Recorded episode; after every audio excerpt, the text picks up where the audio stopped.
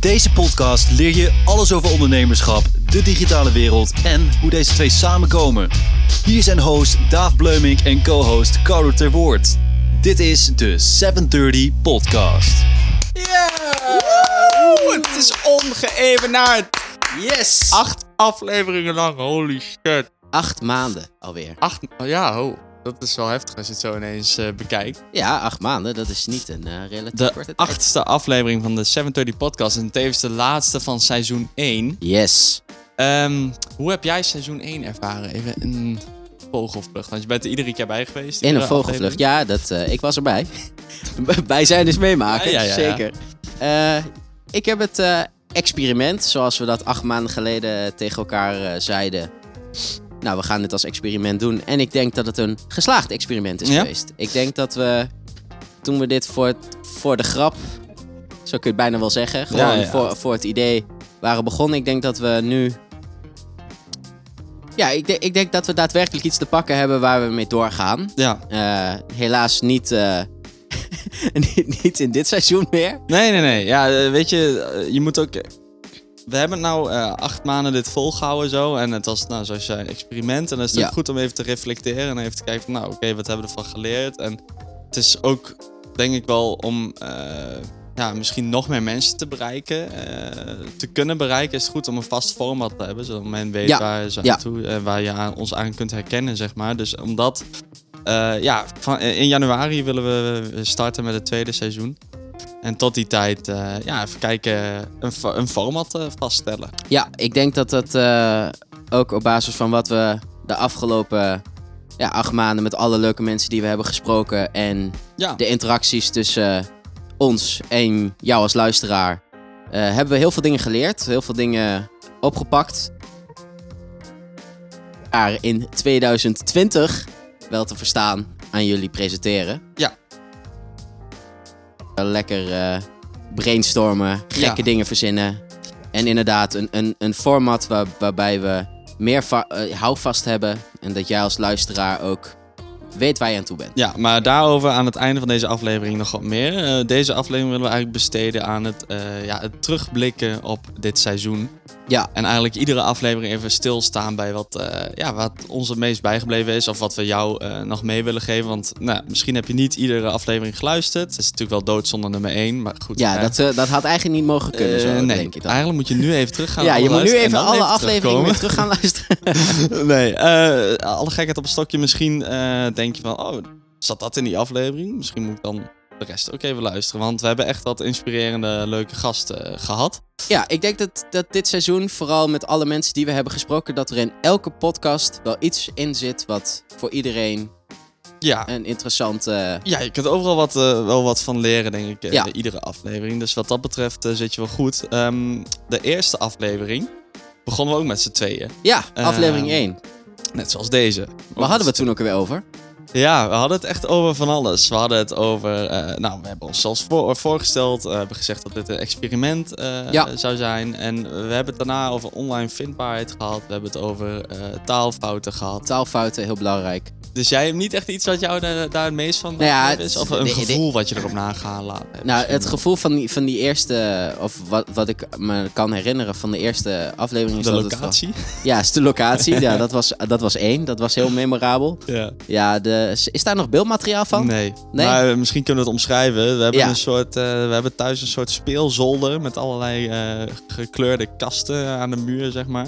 Ja, zeg En- maar, je- iedereen heeft wel een zolder thuis. Ja. Maar dit was een, eh, een, een, een groot hok. Een Ja. beetje een hok waar we nu ook in zitten. Ja. Voor de laatste aflevering. Ja, en het is- het, is, ja, het was dus eh, ja, de namen van mijn broertje en zusjes die eh, waren op de muur geverfd. En wij zaten, ja, eigenlijk, ik zat op een gitaarversterker tegenover jou en jij zat op een krukje of ik zo. zat op een krukje met een kopje koffie en een microfoon met een sok erop. Ja, als plopkap hadden we een paar sokken om de microfoon, dus dan weet je hoe laat het is. Ja, Maar goed, dat was, vond ik dus heel memorabel, die locatie. Eh, maar wat vond jij nog meer? eh? Nou, wat, wat, wat nog steeds ook heel leuk was aan die eerste aflevering... is dat we vooral met elkaar veel in discussie zijn geweest over Ja. die onderwerpen. Nou was ik wel, eh, dat was ook iets wat we later meekregen... en wat we iets meer hebben aangepast in de, in de podcast...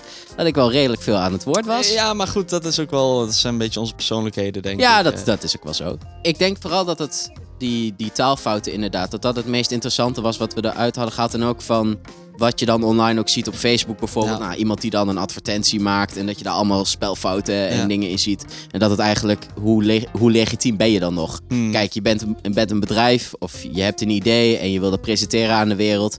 Nou ja, je komt niet echt lekker serieus over Nee. als je... Als je niet even de moeite wil nemen om eh, je tekst foutloos op het internet te zetten, hoe waterdicht is jouw idee dan? Zeg maar. Ja, precies. En wat mij ook nog wel bij, eh, bijgebleven is, is dat we heel veel, eh, dat we elkaar goed konden vinden in van, je moet online net zo gastvrij en jezelf goed presenteren als offline. Ja, je gaat ook niet naar een verjaardag in je kloffie, weet je wel. Je wil een beetje goed Nee, precies. Je wil je goed representeren. En een van- receptie bij een Ja. bedrijf zou ook altijd netjes uitzien. Dat Precies. is een beetje, ja, je website is toch een beetje je online receptie. En eh, ja, dat moet er goed uitzien. En ik denk eigenlijk dat het nou ook wel een goed punt is om even terug te luisteren naar wat we precies hadden gezegd. Is. Maar dat is denk ik ook gewoon onze natuur. Hoe wij daar, ja, en ook hoe wat, we, wat je ziet online is ook, we zijn een soort van kudde mensen die dan ook graag doen wat een ander zou doen. Of, Ja, eh, plus je gaat niet naar een eh, feestje toe in je oude kloffie, weet je wel. Dan kom je ook gewoon goed netjes voor de dag. Ja, nee, precies. Zo, ja, ik denk dat dat wel een mooie ver- vergelijking is. Dus dat het dat misschien is. Ja, en, en Ja. natuurlijk, stel je hebt een kantoor staan, weet je wel, als, Ja. als zo'n log een bedrijf met een lelijke website, die is, is ook gewoon een prima kantoor, weet je wel. Het ziet er ook niet lelijk uit. En dat wil je ook ja. goed je klanten kunnen ontvangen. En dat wil je online ook. Je wil online... Ja, ik denk dat dat misschien goed is. Dus dat, je, dat de plek waar je dus de mensen verwelkomt eh, in de fysieke wereld, dat je dat eigenlijk ook digitaal wil. Nou, Basically. Want eh, het is eh, echt wel een digitale digital age, zeg maar. Dus ja, iedereen zoekt digitaal. Dus dan kom je ergens uit en dan wil je ook dat het wat is. Ja, Het hoeft te... Stel, het, het ziet er niet goed uit om even een bruggetje te slaan naar content. ja. Het ziet er niet goed uit, maar er zit wel veel content op die website. Dan ga je toch... Ja, als je op zoek bent naar iets wat dat bedrijf levert, ga je toch kijken van, nou, hoe, eh, hoe brengen ze dat aan de man via ja, content? Ja, ja, nee. en als dat, toch ja. redelijk is, dan denk je wel van, ja, ze weten wel waar ze Ja. het over hebben. Ik denk ook sowieso wel dat eh, hoe meer er dus gedeeld wordt vanuit een bedrijf, omdat je vaak merkt of vaak ziet, ja, binnen bedrijven wordt er vaak, ja, er wordt er soms nog wel eens moeilijk over gedaan als iets gedeeld wordt, omdat het een soort van, ja, je deelt kennis, maar welke kennis kun je delen en welke kennis kun je dan niet delen, Ja. omdat het, ja, sommige dingen zit patent op of eh, je, je wil daar gewoon niet over praten of eh, dat is gewoon iets waar mensen dan pas mee, ja, in aanraking komen als ze als samenwerkingspartner met je aan de slag gaan. Maar ik denk juist op, juist dat je daar juist heel veel kan winnen. Dat je juist denkt van oké, ik lever di- dit soort werkzaamheden. Waarom zou ik niet eh, daar heel veel van in de wereld gooien? Zo van hey, ik vertel over wat, wat mij drijft, wat ik doe, wat ik leuk vind om te doen. Hetzelfde als wat wij hier nu zitten te praten over wat we interessant vinden en wat we leuk vinden om te doen. Ja. Ja, bezig zijn met, met ons werk, eh, eh, met mensen samenwerken vooral. Maar dat je daar dus ook over gaat praten. Want normaal gesproken, je hebt altijd van die hele logge netwerkborrels bijvoorbeeld. Dan gaan Mhm. mensen daar naartoe om te vertellen wat ze doen.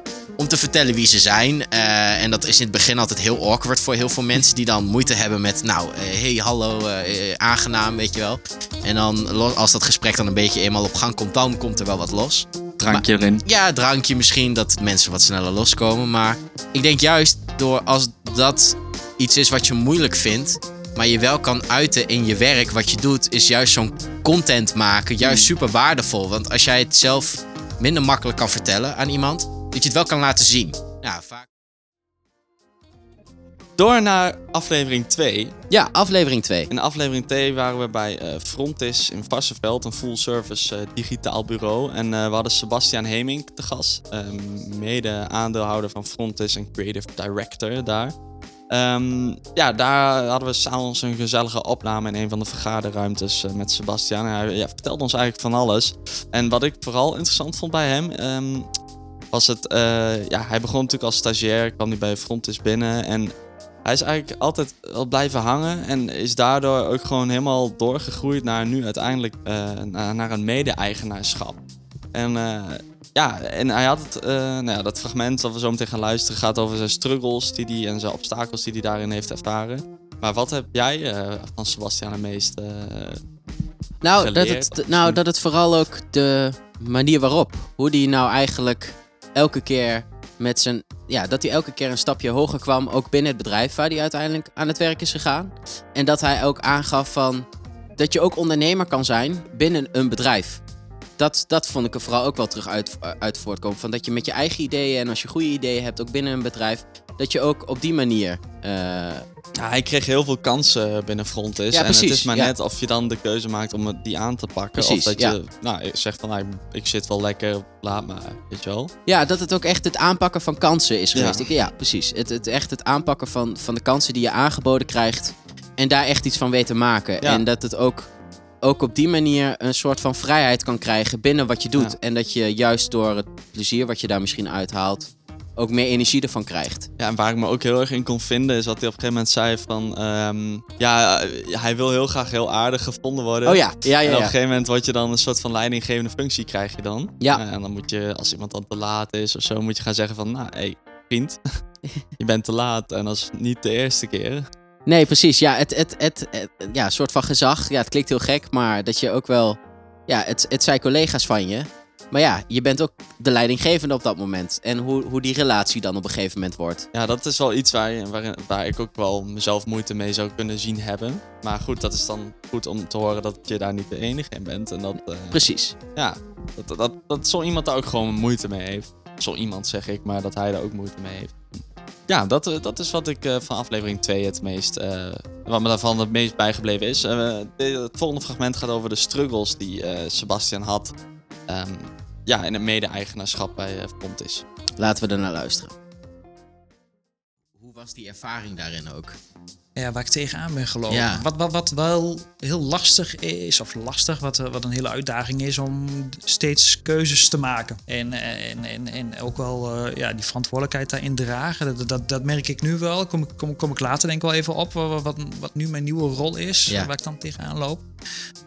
Maar als, als leidinggevende, dan ja, moet je mensen ergens op aanspreken. Of kijk, in, in het begin, weet je wel, dan wil je het allemaal samen doen. Ja. En, en dan kom, of komt iemand te laat of, of eh, een bepaald gedrag. En daar iemand op aanspreken, ja, dat, wa- dat was wel zo'n eerste obstakelpunt van, eh, oké.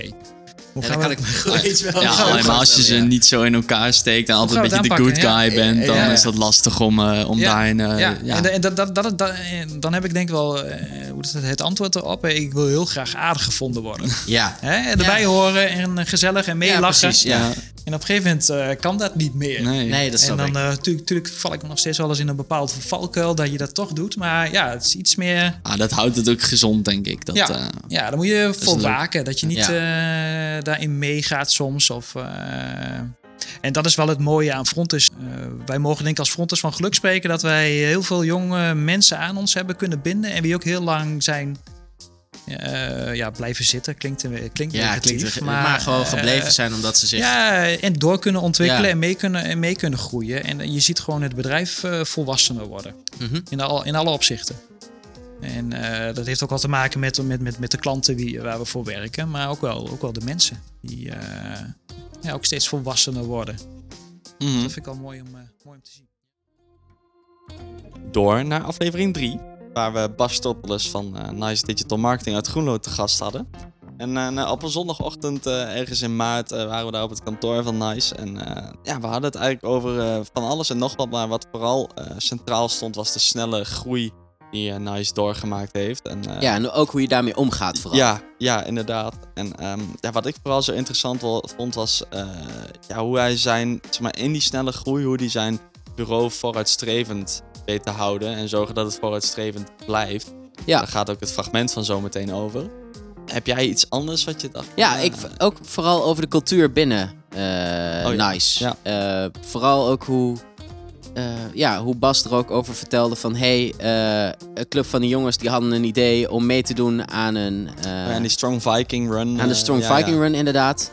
En dat daar ook dan werd gezegd... laten we dit gaan doen. Ja, Organiseer dit. eh, re- regelen maar, Regel we gaan het maar. doen. En ik denk Ja. ook dat dat heel erg veel doet met, eh, met een bonding van, van- van, je team waar je mee samenwerkt. Dat je eigenlijk los van het werk, wat ook natuurlijk heel belangrijk is, ook op een sociaal niveau en op een menselijk niveau met Ja. elkaar continu ja, ja, in contact blijft. En niet dat die afstand tussen werk en ja, het sociale, eh sociale leefaspect. Ik, ik denk Ja. dat het er heel erg voor zorgt dat als je eh, inderdaad menselijk, op menselijk niveau samen voor een doel eh, weet te gaan, dat het ook heel erg werkt zo in je, op, in- ja, in je zakelijke relatie, zeg maar. Dus als je Ja, met ik denk een heel als die team twee- voor hetzelfde doel gaat, Ja, als die twee gelijk aan elkaar liggen, dat het eigenlijk alleen maar beter is dan dat ze, dat ze zo ver uit elkaar zouden moeten liggen. En ik denk ook- dat ze dat daar ook heel goed doen. Ja, zeker.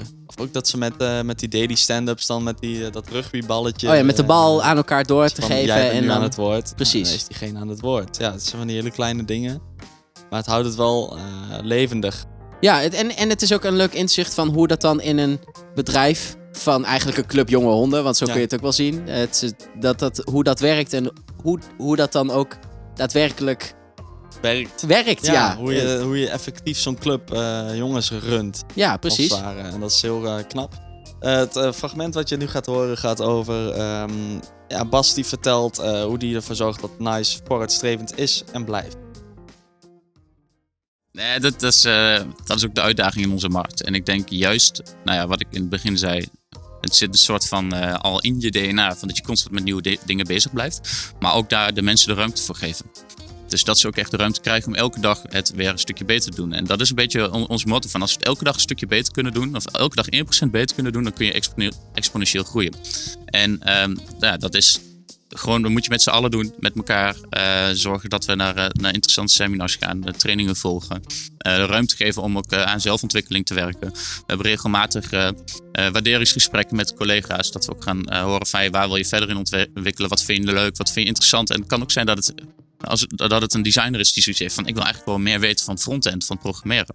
En, daar ook dan de ruimte eh, geven om te gaan kijken van hey, waar ligt jouw eh, kracht? Wat vind je leuk om te doen? Want op het moment dat ze het naar, hun zin hebben, dan, dan komen daar de mooiste dingen uit natuurlijk. En eh, ja, dat, dat heerst hier wel. Dus we geven echt wel de vrijheid om ook echt door te blijven ontwikkelen.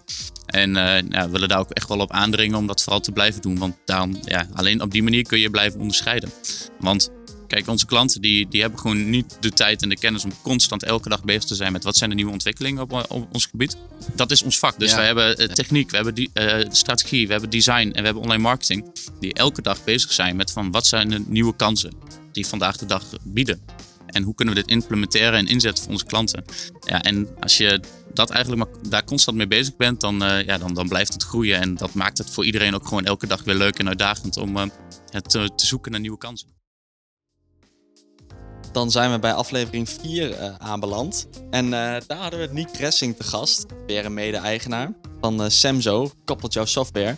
Ehm, we waren bij Samzo op kantoor op een doordeweekse avond. En we hadden het eigenlijk over heel veel technische zaken. Ja, het was, dat was meer een, een, een wat meer technische podcast. Het is een technisch bijna, ja. podcastje. En, maar wat je eruit kunt leren is denk ik vooral het, het specialisatiegedeelte. Ja. Eh, Samsung zit al enorm eh, ja, in een niche-markt eigenlijk. Ehm, en in een paar jaar tijd is ze een paar keer gespecialiseerd. Eh, dat, vond ik, dat vond ik grappig om te horen. En ja, hoe zij hiermee omgingen, daar gaat het fragment zo meteen over.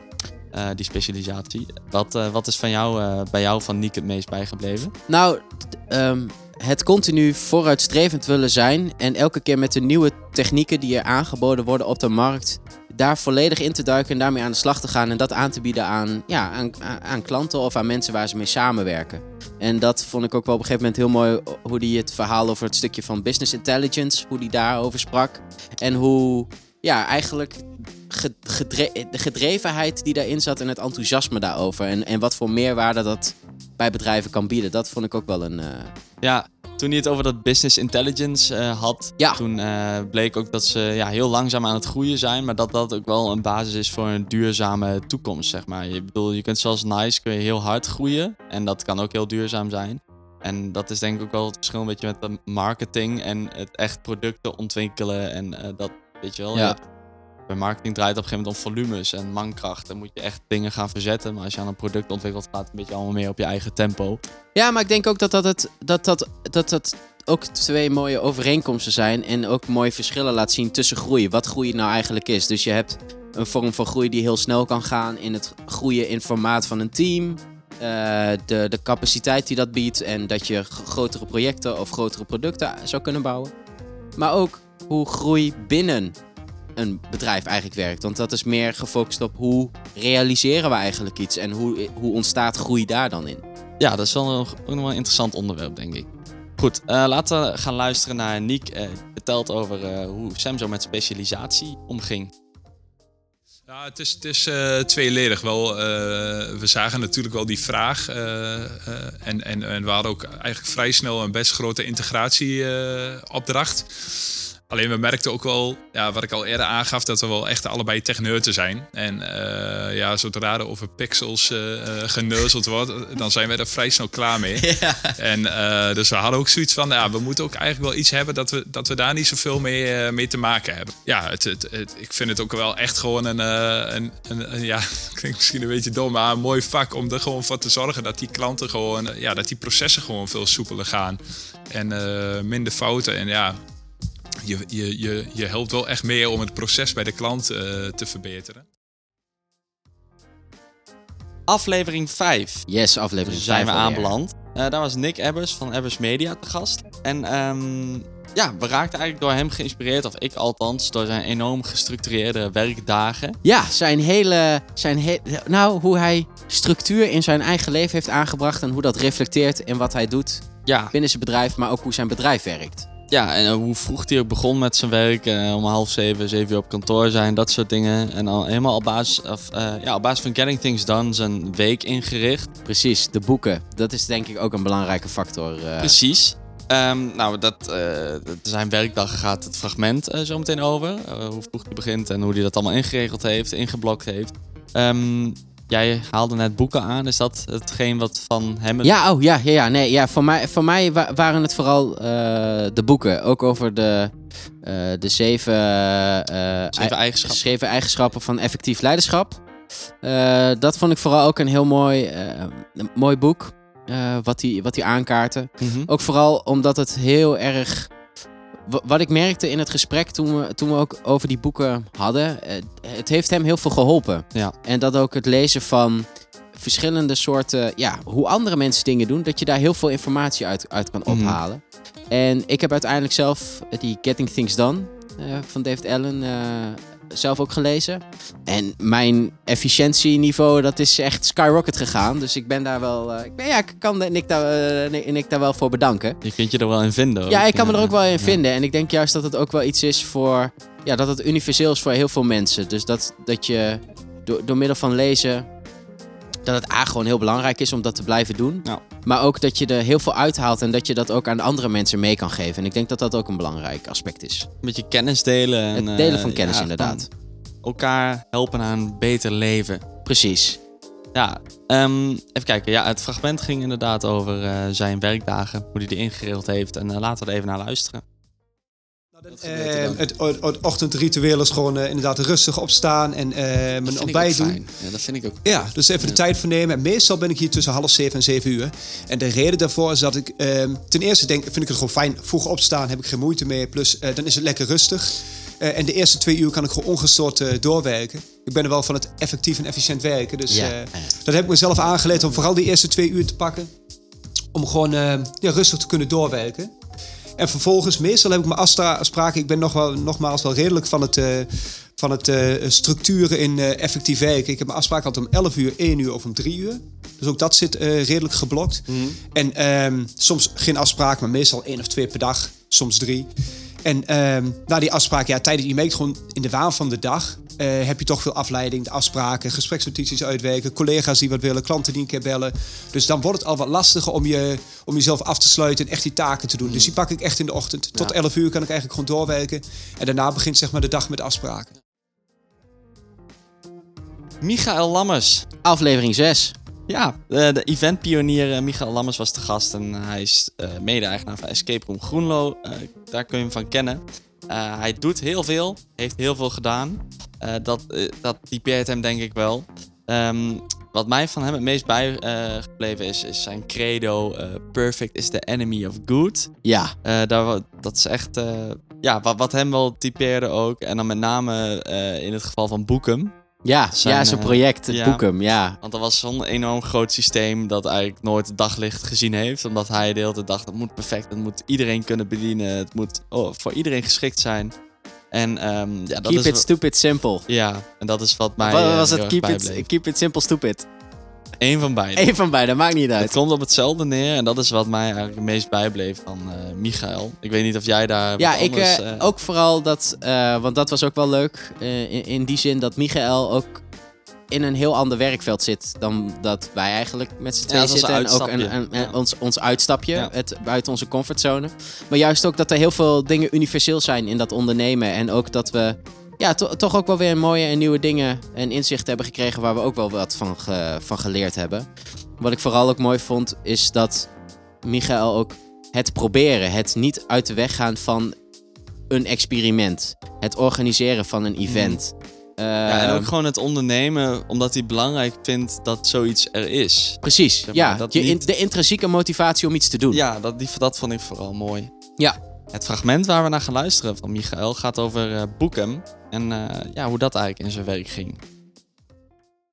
Boekem, ja. Kun je daar iets meer eh, kun je daar iets over Ja, vertellen? ehm, nou ja, ik, ik had altijd wel affiniteit met internet en met nieuwe technologie. En ehm, ik denk dat het een jaar of, nou, misschien denk ik al wel een jaar of tien geleden is dat eh, ik het idee had voor een, een, eh, online boekingskantoor. Waarbij de, ja, ik vind, ik heb een hekel als mensen zeggen eraan van eh, een soort marktplaats voor dit en dat. Want dat zegt Ja. nou iedereen. Ja, ja, ja, ja, ja. Maar dat, goed, dat was het eigenlijk wel.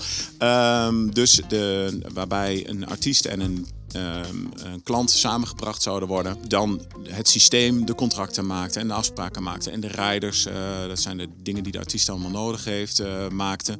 En dat zou het hele systeem zou dat, eh, zou dat gaan doen. Alleen daarin, als het nou zo simpel was gebleven zoals ik het nu uitlegde, dan, Ja. was, het, dan was het inderdaad online gekomen. Ja. Maar wat de fout die ik daarin gemaakt heb, is dat ik op dat moment alles voor iedereen wilde zijn. En dat was ook meteen een wijze les. En ik, ik, ik hoor het. eh, eh, ik had toen een begeleider van Sin, Sintens. Dat was een, eh, vanuit de Kamer van Koophandel Mhm. en provincie. Die hadden allerlei workshops. En eh, daar was eh, Michiel Verheij was daar. En die zei, die zei mij steeds maar weer: je moet niet alles voor iedereen willen zijn. Ja. Nou, ik heb daar niet goed genoeg naar geluisterd. want dat, met Boekum, daar zat alles in. En iedereen kon daar alles mee. Eh, nou, Daaf, jij speelt in een band. Eh, dat zou dan, eh, je zou dan eh, daarop in kunnen loggen als elk bandlid. Elk bandlid kon apart van de andere bandleden zijn, eh, zijn eh, beschikbaarheid aangeven. En het systeem die, eh, die zou dat allemaal bij elkaar voegen. En dan is die band wel beschikbaar en dan is die band niet beschikbaar. En je kon zelf aangeven van als ik niet beschikbaar is, ben, dan heb ik hier dit, dus dit de vervanger. En dan kon zijn agenda er ook nog weer in geschoten worden. Ja. En eh, hetzelfde ging dus ook met, eh, met de rijder. Eh, je kon eh, als klant zijnde kon je aangeven van... Hey, ik, eh, ik heb hier een feestje, dat feestje is voor 100 man.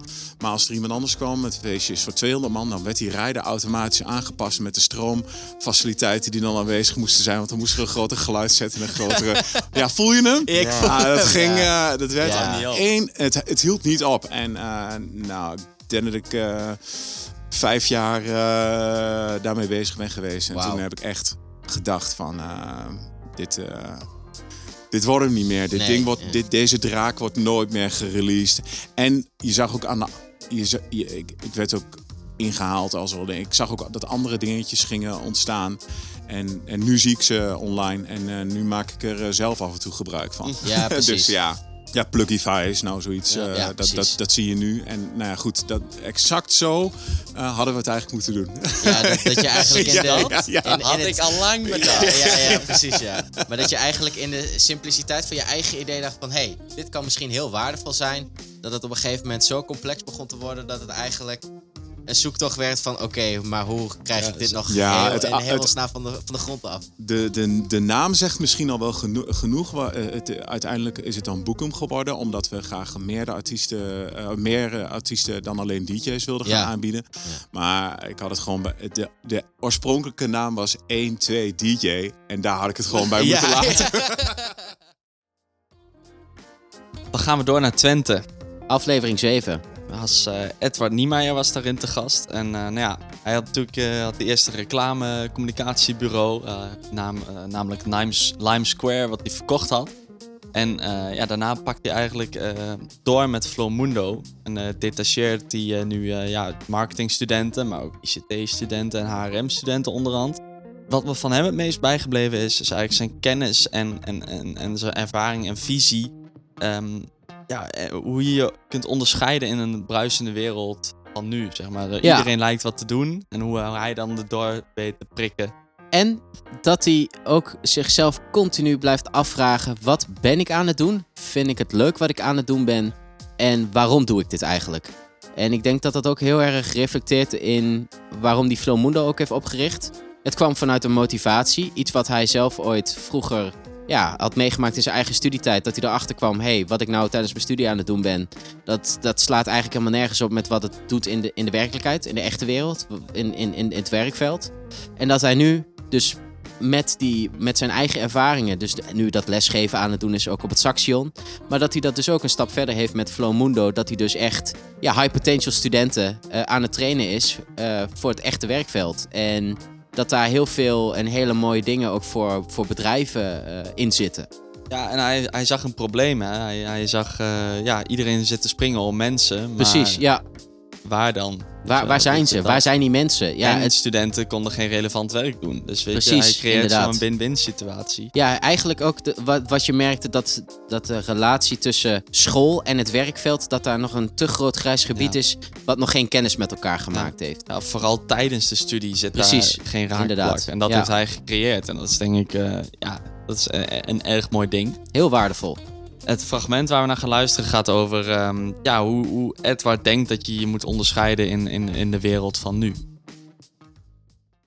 hoe je dat doet, dat is, dat is wel een stukje creativiteit voor nodig. Dus je moet, ehm, nou, je moet ook niet op zoek naar het gouden idee. Laat ik daarmee beginnen. Heel veel mensen zijn op zoek naar het gouden idee. Ik moet een idee hebben om, om rijk mee te worden of om heel veel geld mee te verdienen. Maar als je daarover na gaat denken, dat heb ik ook jaren gedaan, dan ga je het niet vinden.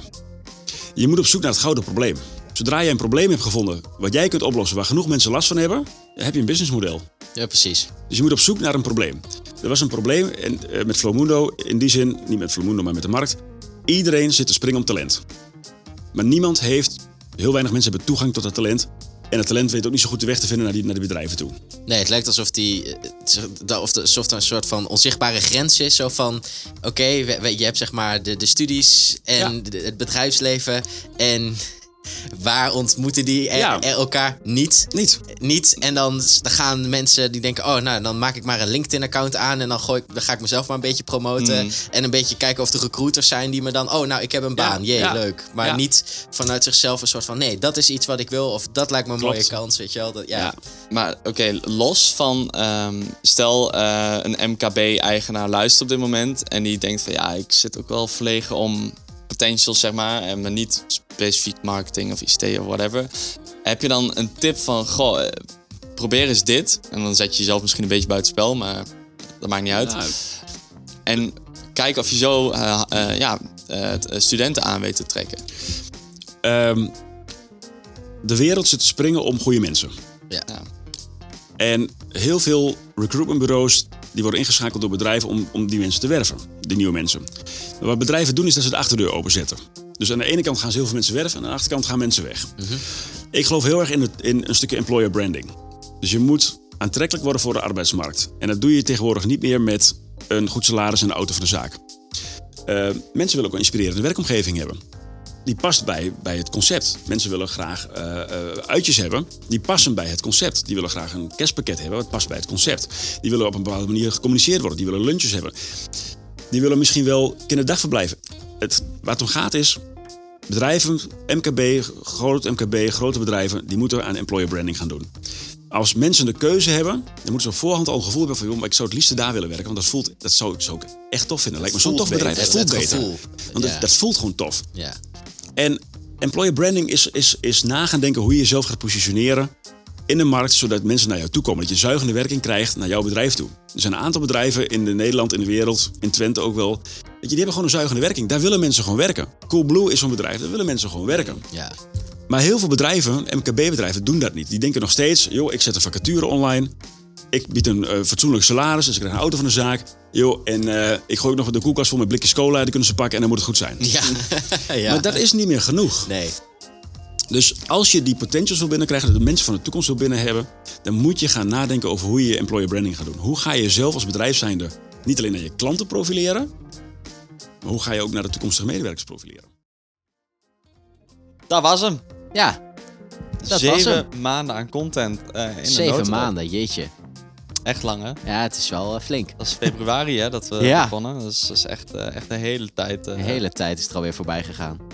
Wel, Jongens, de tijd voelt- vliegt. Ja, het voelt niet zo lang. Het voelt inderdaad het is helemaal Iedere maand pakken we even een momentje, hebben we even een uurtje, anderhalf uur opnames. En dat is het. En met, nog steeds met heel veel plezier en heel veel lol doen we dit. ja, het is gewoon lachen. Het is heel leuk. Het is hartstikke leuk. En ehm, ja, we merkten ook aan eh, ja, mensen, bekende natuurlijk, maar ook onbekende mensen. We kregen reacties. Ja, Leuke reacties. hele leuke reacties. Eh, ook eh, zinnige reacties, mensen die daadwerkelijk Feedback, inderdaad. feedback Ja. gaven. Dat, dat, dat is natuurlijk altijd welkom, want we, weet je, we, we doen dit ook maar en we vinden het leuk om te doen. Maar het is ook mooi om iets professioneels af te leveren. Iets ja, van we willen, we, willen iets, we, we willen iets maken wat voor iedereen, of voor jou en voor ons, relevant is. Ja, En, relevant en, inderdaad. en, en, en waar, dat we er ook allemaal wat aan hebben. Dat jij als luisteraar, maar ook wij als, ja, als, als host van deze podcast ehm, er iets uit kunnen halen. En dat we dat kunnen delen met de wereld. En dat is gewoon heel, heel leuk om te doen. Daar worden we allemaal beter van uiteindelijk. Precies. En ehm, ik wilde nog wat reviews aanhalen, want op iTunes hebben we nou ja, 10 reviews. Oh, Allemaal zo. 5 stars. Dus dat is, eh, Ja, ja, dat klinkt goed. dat is allemaal, ja, dat is gewoon. Kan Ja. niet beter. Kan niet beter. We hebben namelijk een review van eh, Jan Plakan. Die eh, zegt eh, met veel interesse geluisterd. Prima podcast, Kels. Ga door. Nou, dat is ook wat we gaan doen. Ga door. Nou ja, eh, Jan. Ik weet niet of je Jan heet, maar eh, we, gaan, eh, ja, we gaan er zeker mee door. En ja, wie weet heb je nog meer... Misschien heb je wel input voor een nieuwe seizoen. Van, goh, jongens, nodig die gast eens uit. Of ga het hier eens over hebben. Misschien Laat van je horen. langskomen, Jan. Ik denk dat dat ook een van de dingen is die we al een beetje kunnen aankondigen van seizoen 2. Eh, waar we ook meer focus op willen leggen is op jou, de luisteraar. Ja. Eh, wat wil jij weten? La- laat, het laat het weten aan Ja. ons. Ja. Eh, waar, wat lijkt jou interessante onderwerpen waar wij het met mensen over kunnen hebben? Of misschien wel met jou Mhm. eh, over kunnen hebben. Ik denk dat dat wel een, al, al iets is wat we kunnen ja, toelichten van het tweede Zeker, seizoen waar we mee bezig Even willen een gaan. tipje van de sluier, want we zijn natuurlijk druk aan het ontwikkelen. En het, ja, we zijn ook druk bezig met ja, wat bekendere eh, gasten. eh, Ja. Die wat meer landelijk bekend zijn. En eh, ja, waar het misschien ook interessant is om jouw vragen aan te kunnen stellen. Precies. Nog een review van Thijs. Die zegt, leuke podcast over jonge moderne ondernemers die ik ken niet allemaal uit de Randstad komen. Nou ja, weet je, in de Achterhoek gebeurt het ook. En, En kan het ook. En kan het ook, zeker. Eh, nou, Thijs, bedankt voor je review. Mocht je input hebben voor, de, voor seizoen 2, Laat het ons weten. Gewoon even een berichtje op, op de socials, onder, desnoods onder deze post waar, de, waar je deze podcast eh, gevonden hebt, op, op Facebook of eh, Instagram, LinkedIn. Ik denk dat het heel leuk is om als jij als luisteraar een reactie achterlaat van goh, nodig deze persoon eens uit of heb het hier eens over en dan, of stel deze vraag, dat je dat dan terug hoort. Lijkt me toch een leuke, leuke vorm van interactie. Zeker weten. Vanaf 1 januari zal dus eh, seizoen 2 van start gaan. Ja. Dat, nou ja, dat is de eerste We gaan, we gaan goed het nieuwe jaar in dan. Precies. Dat betekent dat in de- december de, eh, nou, die aflevering opgenomen wordt. Ehm, we nemen even de tijd dus om dat eh, format vast te stellen, zoals we aan het begin eh, vertelden. Ja, dus we Ehm, nemen nu ook even, even een korte break. En, ja, van het podcast. ja, van de podcasten in, in, in dit geval. Ja, Van ons zul je nog niet af zijn. We zullen Nee. online nog steeds zichtbaar zijn. Ehm, en je zult vooral veel dingen van Daaf verder nog zien en horen. Als je Carlo wil volgen, het eh, staat allemaal op, eh, op, eh, op de, mijn website op 730.nl, op carlotewoord.com. Eh, je kunt ons vinden op Instagram, op Facebook, whatever. We zijn overal te vinden. Precies. De nieuwe, nieuwe seizoen gaat zich. Ja, in het eerste seizoen heeft natuurlijk de gasten hebben centraal gestaan. Iedere aflevering. Dat zal in het tweede seizoen wat minder zijn. We zullen ze kort introduceren. Maar het zal vooral over relevante onderwerpen gaan. En daar dan discussiëren met die gasten over die onderwerpen. Ik denk dat dat het. eh, een beetje die kant op gaat. Dat is Ik wat denk je kunt inderdaad dat het, dat, ja, precies, goed uitgelegd Daaf. Dankjewel. Mochten jullie dus suggesties hebben, laat het weten. dit was seizoen 1. Dit was seizoen 1. Seizoen 1 van de 730 podcast. We doen het boekje dicht Nou, voor seizoen 1 in dit voor geval. seizoen 1. Dat, eh, die gaat op de plank en eh, het nieuwe boekje wordt al druk aangeschreven. De kaft is al gemaakt. Dus we spreken je graag in het tweede seizoen van de 730 podcast. Bedankt voor het luisteren. En tot de volgende. Hartelijk bedankt. Tot de volgende.